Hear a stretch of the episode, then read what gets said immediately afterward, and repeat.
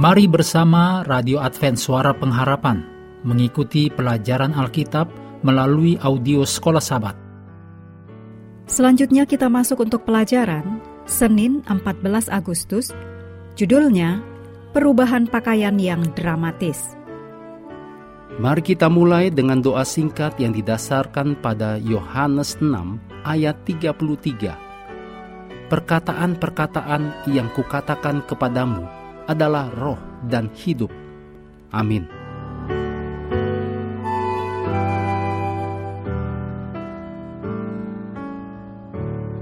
Dalam Efesus 4 ayat 20 sampai 24, Paulus menceritakan kembali kisah pertobatan pembacanya.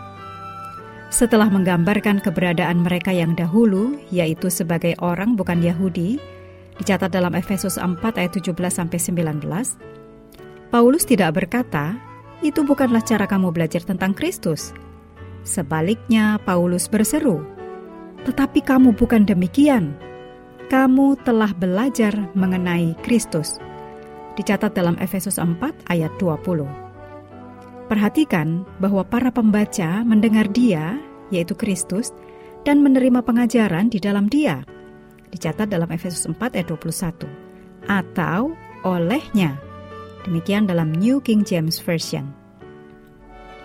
Paulus lebih lanjut menganjurkan kehidupan yang meneladani Kristus dengan ungkapan menurut kebenaran yang nyata dalam Yesus. Efesus 4 ayat 21. Bagi Paulus, iman berpusat pada hubungan pribadi dengan Kristus yang begitu jelas dan nyata sehingga dapat digambarkan sebagai mempelajari Kristus. Kita mengakui bahwa Yesus yang bangkit dan dipermuliakan itu hidup dan hadir bersama kita.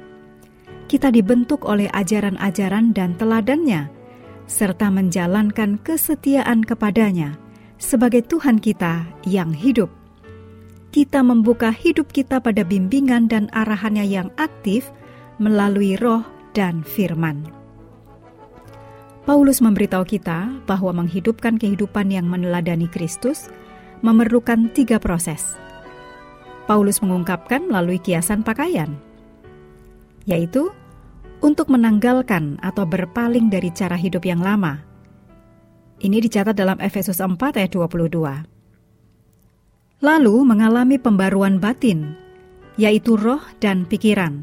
Dicatat dalam Efesus 4 ayat 23. Dan untuk mengenakan pola hidup yang baru seperti Allah – Efesus 4 ayat 24.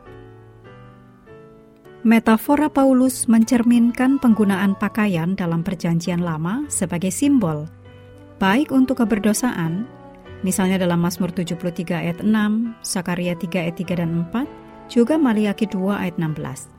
Dan keselamatan, misalnya Yesaya 61 ayat 10, Yehezkiel 16 ayat 8, Sakaria 3 ayat 4 dan 5. Pada zaman kuno, pria mengenakan tunik selutut sebagai pakaian dalam dan jubah atau mantel untuk perlindungan dari matahari. Demikian pula, wanita mengenakan tunik dan jubah. Budaya-budaya yang tercermin dalam Alkitab adalah budaya penghidupan. Pakaian itu berharga dan mahal, dan disimpan untuk waktu yang lama akan menjadi tidak biasa untuk memiliki lebih dari satu set pakaian. Kualitas dan gaya pakaian itu menandakan identitas dan status pemakainya. Di zaman kuno, untuk mengganti pakaian seseorang, menukar satu set pakaian dengan yang lain adalah peristiwa yang tidak biasa dan penting. Berbeda dengan sekarang ini di banyak budaya kita, bahwa mengganti pakaian adalah biasa. Paulus menganggap perubahan dalam hidup sama nyatanya dengan menukar satu set pakaian dengan set pakaian yang lain dalam konteks abad pertama ini. Renungkan apa perbedaan yang krusial antara belajar tentang Kristus dan belajar mengenal Kristus.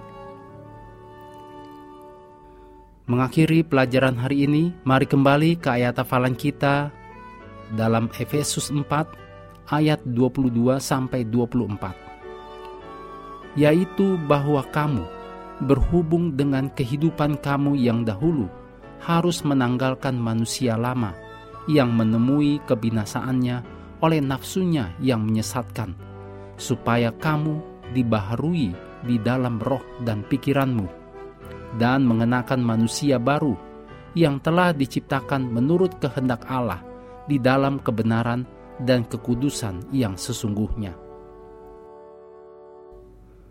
Kami terus mendorong Anda bersekutu dengan Tuhan setiap hari, bersama dengan seluruh anggota keluarga, baik melalui renungan harian, pelajaran sekolah sabat, dan bacaan Alkitab sedunia. Percayalah kepada nabi-nabinya yang untuk hari ini melanjutkan dari Mazmur 100. Tuhan memberkati kita semua.